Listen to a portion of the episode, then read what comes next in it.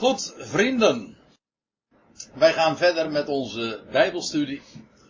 Dit keer niet in Boskoop, maar weer zoals vertrouwd inmiddels in Bodegraven. Nummer 4. En de vorige keer toen hebben wij het eerste hoofdstuk kunnen completeren, dat wil zeggen de bespreking daarvan. Dat betekent dat we vanavond verder gaan met hoofdstuk 2, vers 1. En het lijkt me een goed idee, zoals, zoals we dat uh, tegenwoordig eigenlijk altijd doen. Eerst het uh, gedeelte te lezen wat we de vorige keer met elkaar hebben besproken. Zo, al was het maar even om de geheugens op te frissen. We waren begonnen bij vers 19 in hoofdstuk 1 en daar staat, want er staat geschreven, verderven zal ik de wijsheid van de wijze en het verstand van de verstandigen zal ik verdoen. Waar blijft de wijze? Waar de schriftgeleerde? Waar de redetwister van deze aion? Heeft God niet de wijsheid van de wereld tot dwaasheid gemaakt? Want daar de wereld in de wijsheid Gods door haar wijsheid God niet gekend heeft, heeft het God behaagd door de dwaasheid van de prediking te redden hen die geloven. Immers, de Joden zoeken, verlangen tekenen en de Grieken zoeken wijsheid. Maar wij prediken een gekruisigde Christus, voor Joden een aanstoot, voor heidenen een dwaasheid. Maar voor hen die geroepen zijn, Joden zowel als Grieken, prediken wij Christus, de kracht Gods en de wijsheid Gods. Want het dwaze van God is wijzer dan de mensen en het zwakke van God is sterker dan de mensen. Ziet slechts, broeders, wat gij waart toen gij geroepen werd. Niet vele wijzen naar het vlees, niet vele invloedrijke, niet vele aanzienlijke. Integendeel, wat voor de wereld dwaas is, heeft God uitverkoren om de wijze te beschamen.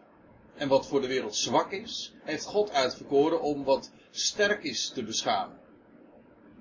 En wat voor de wereld onaanzienlijk en veracht is, heeft God uitverkoren dat wat niets is, om aan hetgeen wel iets is, zijn kracht te ontnemen. Opdat geen vlees zou roemen voor God. Maar uit hem is het dat gij in Christus Jezus zijt, die ons van God is geworden. Wijsheid, rechtvaardigheid, heiliging en verlossing. Opdat het zij, gelijk geschreven staat, wie roemt, roemen in de Here. En dat was een schitterende afsluiting van een prachtig hoofdstuk. En, en ook een hele passende afsluiting als van wat Paulus uh, allemaal betoogd heeft over Gods wijsheid. En ook over, zoals dat, ik meen in vers 18 staat, het woord van het kruis. Het woord van het kruis, dat is de boodschap van Hem, voor wie de wereld slechts een kruis heeft. En het gaat eigenlijk ook in die Korinthebrief over de, het onaanzienlijke. Nou, dat hebben we ook nog gelezen. Het onaanzienlijke, het zwakke, het dwaze. En het, uh, dat wat niks is en niets voorstelt. Dat heeft God juist uitverkoren. Maar de hele essentie van die boodschap is juist dat God voorbij ziet aan alles van de mens. Hoezeer een mens daar ook tegenop mag kijken. Maar dat de boodschap van het kruis is, alles is van hem. En ja, daarom sluit het ook af met dat 31ste vers. Opdat het zij, gelijk geschreven staat, wie roemt, die roemen in de Heer. Elke vorm van roem, op grond van iets van de mens, is volstrekt uitgesloten. En dat blijkt dan ook wel als er in vers 30 staat, uit hem is het, dat wil zeggen uit God. Uit hem is het dat gij in Christus Jezus zijt. Die ons van God geworden is wijsheid. En dan hoort hier een dubbele punt te staan, maar daar hebben we het de vorige keer ook over gehad. Hij is voor ons Gods wijsheid geworden. En dat is rechtvaardiging, het verleden, heiliging in het heden en verlossing van ons lichaam namelijk in de toekomst. Kortom, in hem is alles gelegen. En vandaar alle eer aan hem. En dat is feitelijk ook de boodschap van het kruis.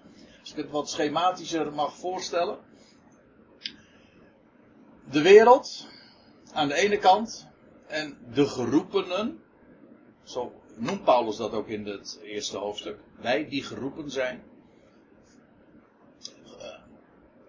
De, de geroepenen aan de andere kant en wat ertussenin staat, dat is het kruis. Ik moet zomaar denken aan een lied wat uh, destijds nog wel eens een keer gedraaid werd. Een lied van Gert en Hermine herinner ik mij. Tussen mij en deze wereld staat het kruis van Golgotha. Kijk, en aan de ene kant heb je aan de wereld met al haar wijsheid en kracht en aanzien. En aan de, andere, de geroepenen. Ja, nou ja, Paulus brengt het ook uh, naar voren. Dat is dwaas en zwak en onaanzienlijk. Over het algemeen, zegt hij. Niet vele invloedrijke, niet vele sterke. Dat stelt allemaal niet zoveel voor. Maar daar gaat Gods oog juist. Daar is Gods oog juist op gericht. Juist om dit allemaal te beschamen. Het gaat namelijk helemaal niet om die wijsheid en die kracht en die aanzien waar de wereld zo hoog over opgeeft. Stelt namelijk niks voor wat er tussenin. Want uiteindelijk was het zo dat wat God te geven had, namelijk zijn zoon, daar hadden zij een kruis voor over. En al het heil wat wij, wat er is, en wat, dat wordt allemaal begrepen in die term, de wijsheid Gods, dat ligt allemaal voorbij het kruis. Dus je zult, als je hier wil zijn, dat bij dat heil wat God aanbiedt, wel dat is, dan moet je toch in elk geval het kruis passeren. En daarom staat er ook, dat kruis is voor de, de Joden een struikelblok, een aanstoot. Voor heidenen is het een dwaasheid. Die zeggen, het is inderdaad onzin, nonsens. Maar daarentegen voor hen die geroepenen zijn, is dat kruis de kracht Gods en de wijsheid Gods. Maar dat ligt achter het kruis. Want die kracht Gods, ook dat heb ik nog laten zien. Die kracht Gods heeft te maken met de, met de opstanding. Vandaar ook dit embleem van die weggerolde steen. Hij werd, dat schreef Paulus ook, misschien mag ik daar nog eventjes aan herinneren, in het laatste hoofdstuk van de tweede Korinthebrief. Dan zijn we dus echt een heel eind verder. We zijn nu in het eerste hoofdstuk van het eerste hoofdstuk, van de eerste brief. Maar in het laatste hoofdstuk van de, van de tweede brief, daar zegt hij, hij werd gekruisigd uit zwakheid, maar hij stond op in de kracht Gods. Dezelfde term wordt dan gebruikt. Die kracht Gods verwijst naar de opstanding. En we hebben het de vorige keer, en dat is, daar moet ik maar even bij laten wat de samenvatting betreft. We hebben de vorige keer er ook uh, op gewezen dat dat kruis, de, de gekruisigde Christus, dat is niet de boodschap van een crucifix. Zoals dat in de Rooms-Katholieke Kerk altijd wordt uitgebeeld. Een kruis met Jezus daaraan hangend. Dat is niet de boodschap van het kruis. De boodschap van het kruis, die gekruisigde Christus. Ik heb, we hebben het er uh, wat uitgebreider de vorige keer over gehad. Maar de gekruisigde Christus verwijst naar de opgestane. Dat wil zeggen, de Christus is sowieso de term die staat voor hem die verrees uit het graf. En daarom ook hij werd gezalfd, dat is wat Christus betekent, met geest, leven. Hij ontving het leven en stond daardoor om, daarom op uh, uit de doden. En dat is de, dat is de Christus. De gekruisigde Christus wil zeggen, eh, eerst was daar het kruis, daarna de opstanding, de Christus. We komen er straks nog wel even over te spreken, maar ik herinner er nu alvast nog wel eh, even aan. Dat is allemaal het, uh, het de kracht Gods en de wijsheid, dat ligt voorbij het kruis. Goed. Dan gaan we nu maar verder met, uh, met de bespreking. Met uh, hoofdstuk 2, vers 1. En als ik het zo zeg, dan moet ik er wel eventjes natuurlijk nog op wijzen dat die hele hoofdstukindeling, die hebben wij er later bij gedaan. Die is alleen maar handig voor de, voor de indeling.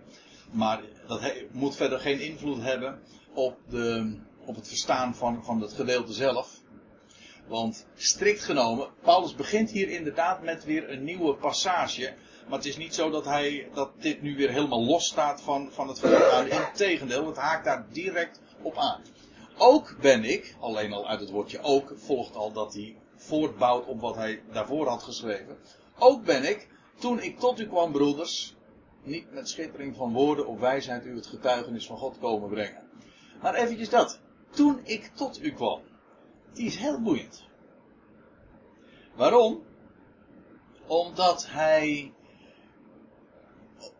Omdat we dat ook beschreven vinden in het boek Handelingen. We weten hoe die Ecclesia in Korinthe. Een, eh, een, maand geleden hebben we daar wat uh, meer nog bij stilgestaan. Ook dat huis van Gaius, weet je nog. En hoe dat daar ontstaan was. Maar in Korinthe vinden we ook beschreven dat die Ecclesia ontstaan uh, is en hoe dat gegaan is, maar ook wanneer. Dus hier wordt daar ook naar verwezen. Toen ik tot u kwam. En dan gaan we maar even naar Handelingen 18, vers 1. En dat is heel veelzeggend. Er staat dus in vers 1 van Handelingen 18. Daarna verliet hij, Paulus, Athene en kwam te Korinthe. Dus hij arriveert, lijkt me nogal simpel, hij arriveert in Korinthe. Dat lag trouwens niet zo heel erg ver van, uh, van Athene. Maar dat was dus nadat hij Athene had verlaten. Athene is, nou, tot op de dag van vandaag staat dat symbool, die stad, voor wijsheid. De Griekse wijsheid, die wordt uitgebeeld in, in Athene. Het is zelfs uh, een, uh, ik herinner me een uitspraak van een, een, kerkvader die zei: Wat heeft Jeruzalem met Athene te maken? Dat wil zeggen, wat heeft de Bijbel te maken met de wijsheid van de Grieken? Athene. Daar staat Athene voor. En in dit geval is dat trouwens helemaal veelzeggend. Want wat lezen we in, in het gedeelte wat hier direct aan vooraf gegaan is, handelingen 17 dus. Dat is het gedeelte waarin Paulus een toespraak houdt op de Areopagus. In Athene, op dat marktplein, en daar lees je dat hij. Nou, laten we het maar eens laten we het even bekijken. Nou, we gaan niet de toespraak nu nog eens uh, lezen. Maar ik wil wel even iets vertellen over de aanleiding. Dan staat er in vers 18. En ook enige van de epi... Ja, dat is een heel lastig hoor. De Epicurezen en Stoïcijnse wijsgeren, filosofen, twisten met hem, met Paulus. En sommigen zeiden, wat zou die betweter willen beweren? Letterlijk staat er trouwens een graantjespikker. Zo noemen ze hem. Een bedweter, zegt de NBG-vertaling in de King James Version weet ik dat er staat uh, the idle babbler. Die ijdele babbelaar. Wat zou die bedweter willen beweren? Maar anderen zeiden, hij schijnt een verkondiger te zijn van vreemde goden, eh, van vreemde goden want hij, want, staat er, hij bracht het evangelie van Jezus en van de opstanding. Dat is trouwens eigenaardig, want uh, van vreemde goden. En, oh, en dan staat er van vreemde goden, want hij bracht het evangelie van Jezus en van de opstanding. In het Grieks staat hier Anastasis. Maar Anastasis, ja, dat betekent opstanding. Ana betekent naar boven en stasis betekent staan. Maar Anastasis is ook een naam. Trouwens bij ons ook, Anastasia. De naam van een boot, het is de naam van dus een, uh, ik heb een cursiste die heet ook zo, Anastasia. Uh, het is de naam. Het was, uh, en men dacht, omdat ze Paulus hoorden praten over, ja, ze hadden hem daar op het marktplein, waar hij dagelijks handelde en, en, en sprak met mensen. hadden ze hem horen spreken en ze hadden kennelijk bepaalde begrippen en woorden opgevangen en ze hadden hem gehoord over het woord evangelie. Goed bericht. En ze hadden hem uh, de naam Jezus horen zeggen. En ze hadden hem gehoord over Anastasis. En zij dachten aan iemand. Vandaar dat ze zeggen, hij schijnt een verkondiger van vreemde goden te zijn. Dat wil zeggen van Jezus en van Anastasis. Dat klopt trouwens ook wel. Hij sprak over, Jezus en Anastasis. Maar niet dat we zijn geen, vreemde goden. Want dat is juist de uitbeelding van de ene God. Enfin, dat is dus wat Paulus daar eh, op, dat, op die Areopagus in Athene had verteld. In die, in die omgeving die bol stond van menselijke wijsheid. Symbool ook staat voor menselijke wijsheid. Waar hij geconfronteerd werd met de grote filosofische scholen in die dagen. Epicureïsche school, de Stoïcijnse school. Dat waren grote, tot op de dag van vandaag trouwens, wijsgerige stromingen. En, en Paulus, ja, wat deed hij? Hij, hij toonde niet hun, hun dwaasheid aan, hij bracht een evangelie. Namelijk van Jezus en van de opstanding. En dan is het zo eigenaardig wat je dan leest. Hij houdt daar die, op een gegeven moment mag hij dan het woord voeren. Hij houdt een reden. En ze horen hem aan totdat hij spreekt over de Anastasius. Eh, lees het maar na in Handelingen 17. Dan staat er dat uh, hij houdt een heel betoog over de ene God die de schepper is van hemel en aarde, die niet nodig heeft om door mensenhanden gediend te worden. En dan zegt hij van, dan gaat, en dan gaat hij spreken over, over iemand die God heeft aangewezen door hem uit de doden op te wekken. dat is het laatste wat hij daar te zeggen heeft. Of nog mag zeggen, want dan, dan wordt hij in de reden gevallen en zegt, nou we horen u nog wel een keertje. Zo van, uh, nou ja, je bent gek. Dwaas. Onzin. En er waren, er waren trouwens een paar mensen die wel gehoor gaven. Dat lees je nog, de namen worden nog genoemd. Ik ben eventjes de, de namen kwijt van degene die daar nog genoemd worden in het laatste vers van Handelingen 17. Sorry? Dionysius en de. Oh ja, Dionysius. Di Di Dionysius, dat was hem. Ja, dat was trouwens, dat is de Dionysius, dat is leuk. Dionysius was de, dat is de Griekse variant van Bacchus. De god van de drank. ja.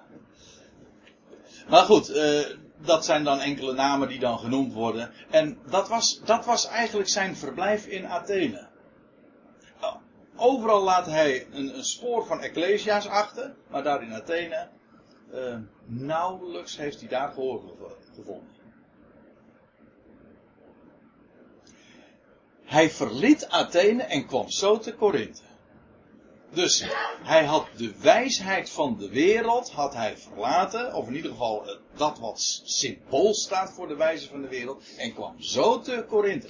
Als je tegen die achtergrond ook de Korinthebrief leest, begrijp je ook zijn verhaal beter over, uh, over die wijsheid, die, over in, in 1 Korinthe 1, in, ook in het hoofdstuk wat we vanavond zullen lezen. Eigenlijk wat Paulus doet, is een terugblik op zijn komst daar in, in, in Korinthe. En hoe die Ecclesia is ontstaan en welke boodschap hij daar gebracht heeft. Nou, de hele setting is zo typerend. Hij, hij had Athene verlaten en nou kwam hij in Korinthe. En wat ging hij daar nou doen? Nou, we gaan weer terug.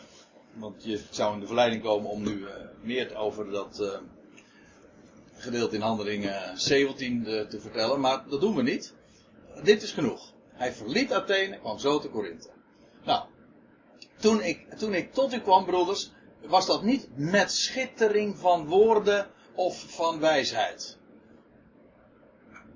Ja, dat is trouwens uh, opmerkelijk. Ik heb deze namen er eventjes nu bij uh, vermeld. Zomaar. Betrekkelijk willekeurige voorbeelden, want er zijn er meer. Van mensen, het zijn wel bekende namen. Waarbij uh, God geen sprekers uitzoekt.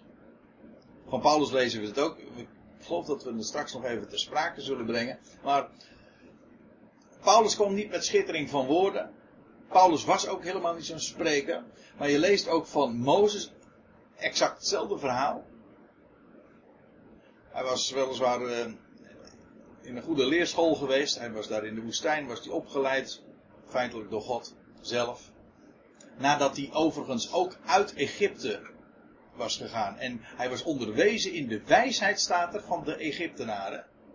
Maar hij heeft 40 jaar de tijd gehad om zeg maar al die onzin weer uh, te moeten verlaten en afscheid daarvan te nemen. Om, om geleerd te worden in de school van God. In de woestijn was dat.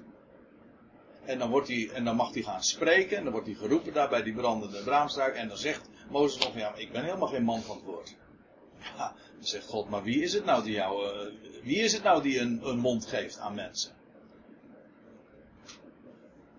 Hetzelfde laken het pak met Jeremia, die uh, ook als hij geroepen wordt zegt van ja, maar ik ben helemaal geen spreker.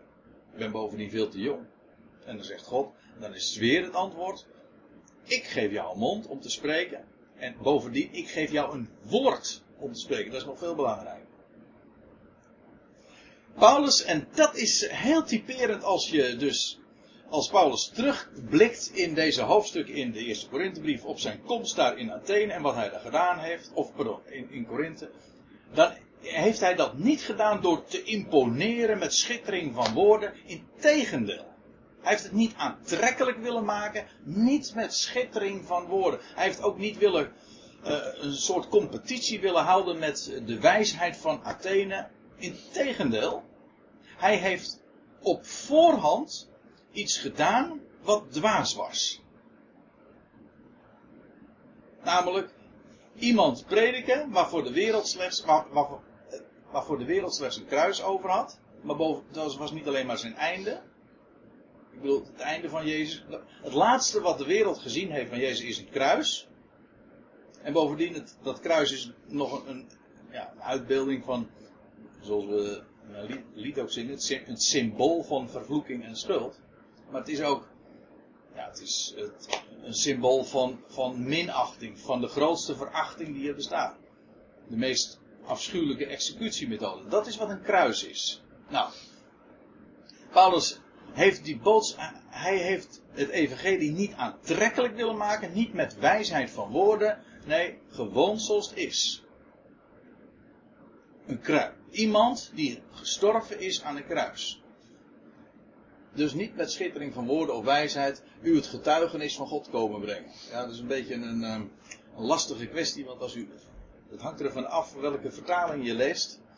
Want sommige vertalingen hebben hier het, de verborgenheid van God. Als ik me niet vergis, heeft de MBV dat ook. Dat heeft niks trouwens met een vertaling te maken, maar dat heeft te maken met handschriften. Wat staat er in het origineel? En dan zeggen sommige handschriften dat hier eh, marterion staat. Marterion betekent getuigenis. En andere vertalingen zeggen, de, de, de, de nieuwste vertalingen zeggen, of de nieuwste handschriften onderzoeken, zeggen mysterion. En mysterion, daar herken je het woord. Mysterieën. Verborgenheid. Is trouwens, om eventjes nog een korte toelichting erop te geven. Dit mysterion is mysterie verborgenheid, geheimenis. Dit woord marterion is getuigenis. Daar komt ons woord martelaar nog vandaan. Een martelaar is eigenlijk iemand die een getuigenis geeft. Moslims dat? Weet? Dat ik niet. maar het is trouwens wel opmerkelijk hoe, hoe, hoe, hoe een woord zich zeg maar, kan ontwikkelen. Het, het feit dat een getuige, iemand die een getuigenis spreekt, bij ons uh, iemand is die, een martelaar, die uh, het leven uh, erop moet laten, dat is eigenlijk typerend. Als je, als je van de waarheid getuigt, dan is het einde de dood. Dat wordt niet geaccepteerd in de wereld. Dus eigenlijk is het wel heel typerend. Een martelaar is eigenlijk een getuige, maar in ons spraakgebruik is het iemand die ter dood gebracht wordt. Ja, nou, dan zie je precies wat er gebeurt met iemand die de waarheid vertelt. Een getuige is.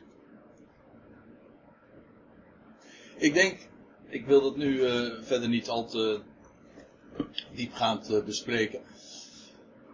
Ik denk ook niet dat het echt uh, heel erg beslissend is, maar ik denk dat er hele goede redenen zijn om aan te nemen, zoals de concordant version dat ook heeft, om hier inderdaad getuigenis te wezen.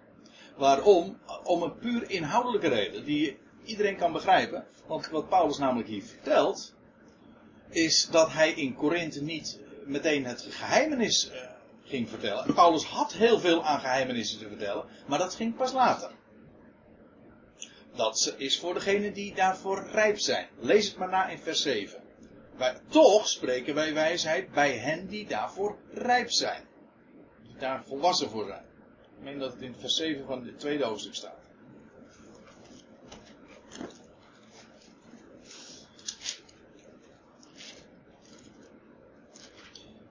Kijk nog even voor precisie. Ja, toch spreken wij wijsheid bij hen die daarvoor rijp zijn. Een wijsheid echter niet van deze eeuw. Nou, maar dat is wijsheid waar, hij, waar Paulus graag over zou willen spreken, maar daar waren de meesten in Korinthe nog helemaal niet aan toe. Maar wat hij in Korinthe verteld had, dat was niet over, de, over het mysterie, over de verborgenheden waar hij zo graag over wilde spreken. Wat hij bracht in eerste instantie is de boodschap van het getuigenis van Christus. Dat wil zeggen, hij die stierf en opstond uit de doden. That's it. Nou ja, en voor degenen die geroepen zijn, wel, die daar oor dus voor hadden, die, die ontvingen dat in het hart, die omarmden dat. En aan hen, die daarvoor rijp zijn, konden ze eh, vervolgens ingewijd worden in de geheimenissen van God. Maar in, eerste instantie is, al, is daar alleen de boodschap van hem die leed en stierf en opstond uit de doden. De Christus. Hij die zijn leven gaf voor, alle mensen en die opstond uit de doden als overwinnaar over de dood. Dat is het evangelie, heel simpel. Later gaan we over de geheimenissen praten. Goed, niet met, dat is het punt. Paulus deed dat niet met schittering van woorden uh, of van wijsheid. Want, zegt hij, ik had niet besloten iets te weten onder u dan Jezus en die gekruisigd. Uh, want ik, ik, besloot, ik, heb zelfs de neiging om te denken aan, uh, aan het moment dat hij Athene had verlaten. En hij kwam daar in Korinthe. Toen had hij besloten om niets te vertellen dan alleen Jezus Christus en degene die gekruisigd is. Dat wil zeggen, het niet aantrekkelijk maken. Niet iemand die populair is in deze wereld. Nee, in de wereld had, had hij slechts een kruis gekregen. Dat is het laatste wat de wereld van hem gezien heeft. Ook het enige wat de wereld voor hem over had. Zo iemand.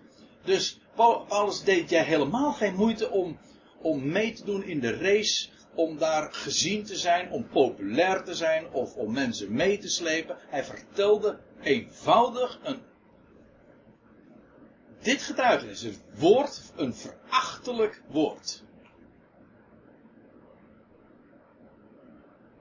Hij deed dus ook niet mee hoewel Paulus een zeer geleerd man was, hij deed dus niet mee om, om geleerd over te komen, of met, met, met titels, of indruk te maken op andere manieren, meeslepende technieken. Van, uh, nou, dat zal hij trouwens ook nog zeggen. Maar het enige wat hij vertelde is Jezus Christus, en dat wil zeggen de gekruisigde. En ik herhaal wat ik de vorige keren gezegd heb. Ik gaf het net al even in de samenvatting ook aan dit betekent niet dat Paulus alleen maar die crucifix, hè, de, de, een, uh, een Jezus aan het kruis vertelde. Het wordt vaak zo uitgelegd dat, Jezus, dat Paulus daar had besloten in Korinthe niks anders te vertellen dan Jezus die aan het kruis hing. Nou, sorry, maar dan heb je niet het evangelie verteld. Nee, het evangelie is juist de boodschap dat hij die aan het kruis stierf, opstond uit de doden. Maar om hiervan, om deze boodschap te kennen te, en te geloven, moet je eerst hier, moet je eerst, dat veronderstelt dit. Dat is het punt. Dus waar het, waarom Paulus dit hier zegt, is ik heb helemaal geen moeite gedaan om indruk te maken of om populair te zijn. In, of, om wijs te zijn in de ogen van jullie Corinthiërs of van jullie Grieken. Nee, ik breng een dwaze boodschap. Zeg maar dat hij gek is, prima. Want dat is wat God heeft uitverkoren. Dat is eigenlijk wat hij vertelt. Dat had hij uh, besloten en niets anders dan dat. Ja, ik vind. Uh, ik denk dat daar in een, uh, voor ons en voor, voor iedereen die, voor ieder die gelooft, daar zo'n enorme les in gelegen is. Probeer ook het, de, het woord van God niet mooi te, mooi te mooier te maken. In wat je doet, namelijk, is water bij de wijn. Altijd. Als je iets van jezelf denkt het mooier te maken, hè, door uh, allemaal toeters en bellen. Hoe vaak gebeurt het ook niet in talloze kerkgemeenschappen en gemeenten. Hè, men denkt het aantrekkelijk te moeten maken, laagdrempelige diensten. En het is onzin. Het lijkt wijs en, uh, en te imponeren.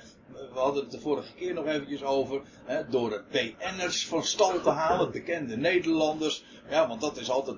Dat, dat is, uh, ja, dat oogt en dat is eh, leuk om mensen dan mee te nemen. Maar het is allemaal eh, imponeren met wereldse dingen.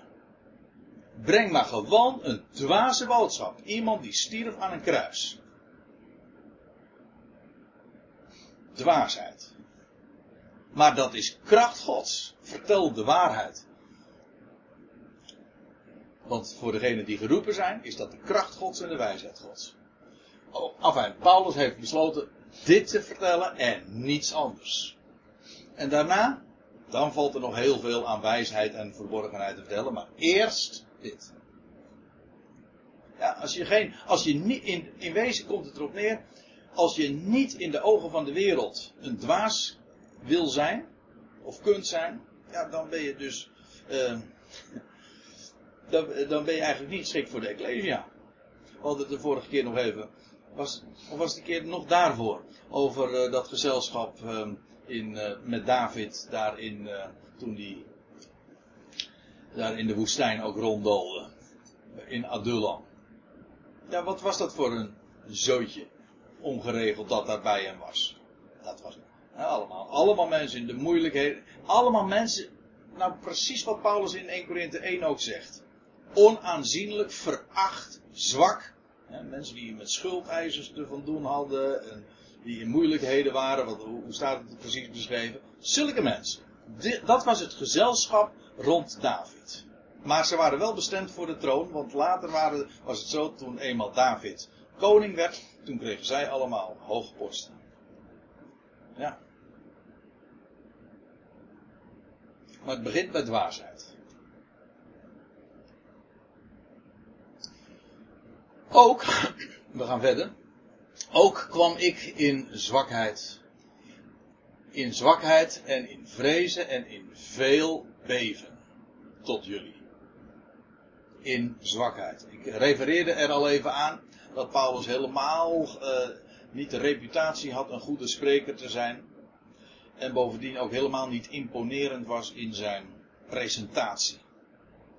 In aan dezelfde Corinthiërs, maar dat is ook die tweede brief, schrijft hij in hoofdstuk 10, vers 10. Nou lezen we dus, dat zegt Paulus zelf over, hij was op de hoogte van de reputatie die hij had, in ieder geval daar in Korinthe. En men zei daar, zijn tegenstanders, wat men daar over hem vertelde, zijn brieven, zegt men, zijn wel gewichtig en krachtig, maar zijn persoonlijke verschijning, de presence of the body, zijn, de, zijn aanwezigheid van het lichaam, is zwak. Dus was als Paulus binnenkwam, dan zei hij niet, oh wat een krachtige figuur. Integendeel, zijn persoonlijke verschijning is zwak. Iedereen zei dat over hem. En zijn spreken, zijn hele expressie, staat er, zijn logos, zijn expressie uh, betekent niks. Is, was verachtelijk. Of iedereen dat zo vond, dat weet ik niet. Maar in ieder geval dat uh, Paulus zegt van, ja, dat zegt men over mij. En Paulus had er niet eens, nou ja, misschien hadden mensen gesproken moeite mee. Kijk, elke spreker die vindt, laat ik, laten we wel wezen, je vindt het leuk. Ik vind het leuk als iemand zegt van, het was een goede presentatie. Of, je hebt het mooi verteld. Maar, aan de andere kant, het zegt helemaal niks. Dat denk ik ook wel eens een keer. Uh, je kunt de cursus uh, retorica gaan volgen. Ja. Uh, welsprekendheid. In de, als je een goede theologische, een goede theologische opleiding volgt, dan zit, dan zit daar altijd, tenminste vroeger wel, bij een theologische hogeschool, had je het vak homilitiek. En homilitiek betekent predikkunde. Dan krijg je, dan krijg je onderwezen om te preken. Hm, denk ik dan. Ik hou er helemaal niet van, van preken. en mensen ook niet trouwens hoor. Als ze zegt van ik heb, ik heb vandaag, iemand gaf me vandaag een hele preek, dan, dan is dat meestal niet een leuk verhaal om naar te luisteren. En het is meestal pep talk. Dat is ook in, uh, in, in, in gemeentes en kerken is dat zo. Een preek betekent in de praktijk van, nou ja, een, uh, een, je wordt een half uur of zo, uh, word je ja, een hart onder de riem gestoken. Maar niet, er wordt je niks verteld. Nou, er wordt alleen maar op de emoties gespeeld, hè, zodat je je fijn voelt. Maar de, het, het, betekent niks, want het is namelijk gevoel. Het gaat erom dat we weten. Dat is trouwens wat Paulus ook in 1 Corinthië 2 zegt. Opdat we zouden weten wat ons in Christus gegeven is. Kijk, en wat, wat, wat je weet en wat je te horen krijgt over wat is, dat verandert niet. Dat, is niet. dat heeft niks te maken met je emotionele toestand. Dat is gewoon grond waar je op kan staan. Dat is van belang. En als je het mooi kan vertellen, moet je het vooral doen. De ene kan goed spreken, de andere kan minder goed spreken. Maar het doet uiteindelijk niet de sprake. En natuurlijk, je, iedereen, iedereen, eh, elk vogeltje zingt zoals het gebekt is. En je probeert, dat doe ik ook. Ik probeer het in goede orde dingen naar voren te brengen. Soms slaag ik erin, soms slaag ik er minder in. Maar je doet het zo welsprekend als mogelijk. Logisch. Maar dat is het niet. Sterker nog, er zijn, er zijn mensen die, die, tot, die qua uh, presentatietechniek er niks van maken, maar die zo'n enorm krachtig worden. Maar waar zit hem dat in? Gewoon, dat is de inhoud. Dat is het. En Paulus zelf is er een voorbeeld van. En zegt hij dan in vers 4, mijn spreken, mijn spreken en mijn prediking, het woord, het logos van mij en mijn prediking. Ja, we hadden het er ook al uh, een keer eerder over, over dat woord prediking. Prok, ja, het Griekse woord dat is proclamatie. Dat is een bekendmaking. Het is, dat is dus niet hetzelfde als spreken, hè? Denk erom niet de prediking van mij, of nou, eh, ja, het woord prediking is misschien nog weer net even wat anders ook in onze, in onze gevoelswaarde, in de betekenis die wij aan, aan het woord toekennen. Maar het is in ieder geval niet mijn preken. Nee, het is een, uh, dit woord wat hier staat, dat betekent iets bekendmaken. Een heralding, uh, dat wil zeggen iets wat uh, afgekondigd wordt medegedeeld wordt. Mijn mededeling. Want dat is wat het evangelie is. Het evangelie is niet een preek. Het evangelie is een mededeling. Zo zijn de dingen. En het enige wat van belang is voor iemand die dit is toevertrouwd, dat wil zeggen iemand, een heraut. Het enige wat voor zo iemand van belang is, is dat hij het, ja natuurlijk, hij doet het zo, zo duidelijk als mogelijk, maar waar het werkelijk om gaat, is dat wat hij zegt, correct is. Dat het klopt. Dat het waar is. Dat is het enige wat echt telt.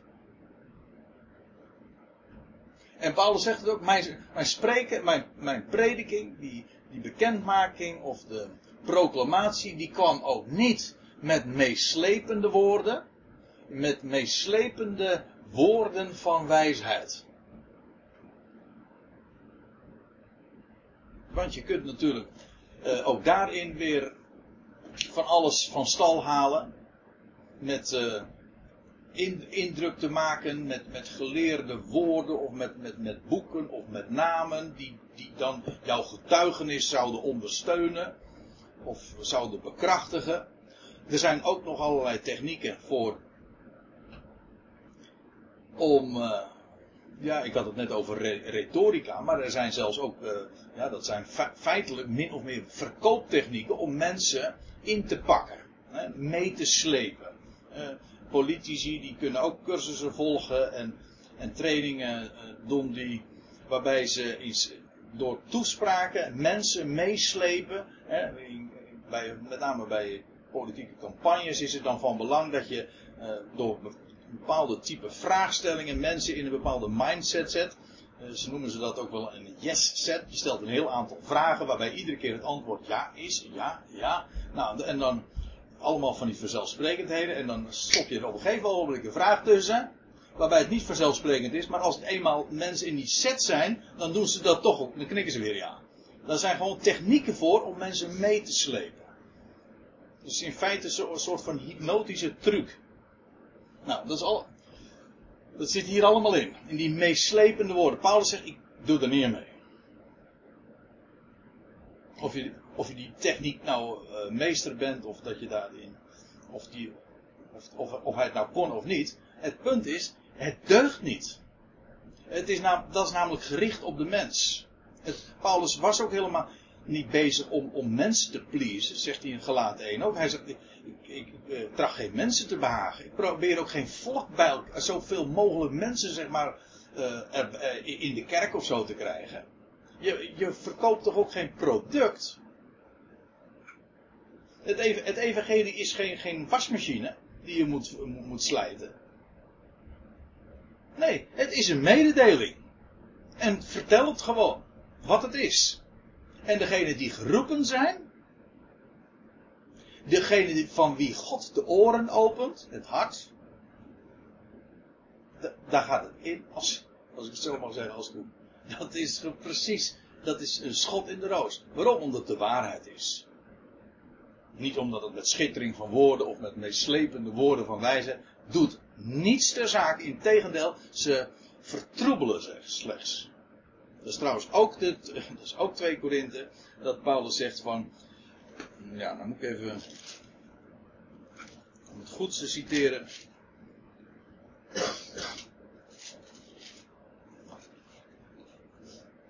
Ja, hij zegt in 2 Korinthe 4, vers 2. Wij hebben ver, verworpen alle schandelijke praktijken die het licht niet kunnen zien. En nou, en nou komt het. Daar wij niet met sluwheid omgaan of het woord van God vervalsen. Vervalsen, dat is wat ook uh, dat proces waar ik het zojuist over had, water bij de wijn. Dan maak je valse wijn. Je doet je, een oneigenlijk element wat er niet in thuis hoort, voeg je eraan toe ja, inderdaad, daardoor neemt wel het volume toe.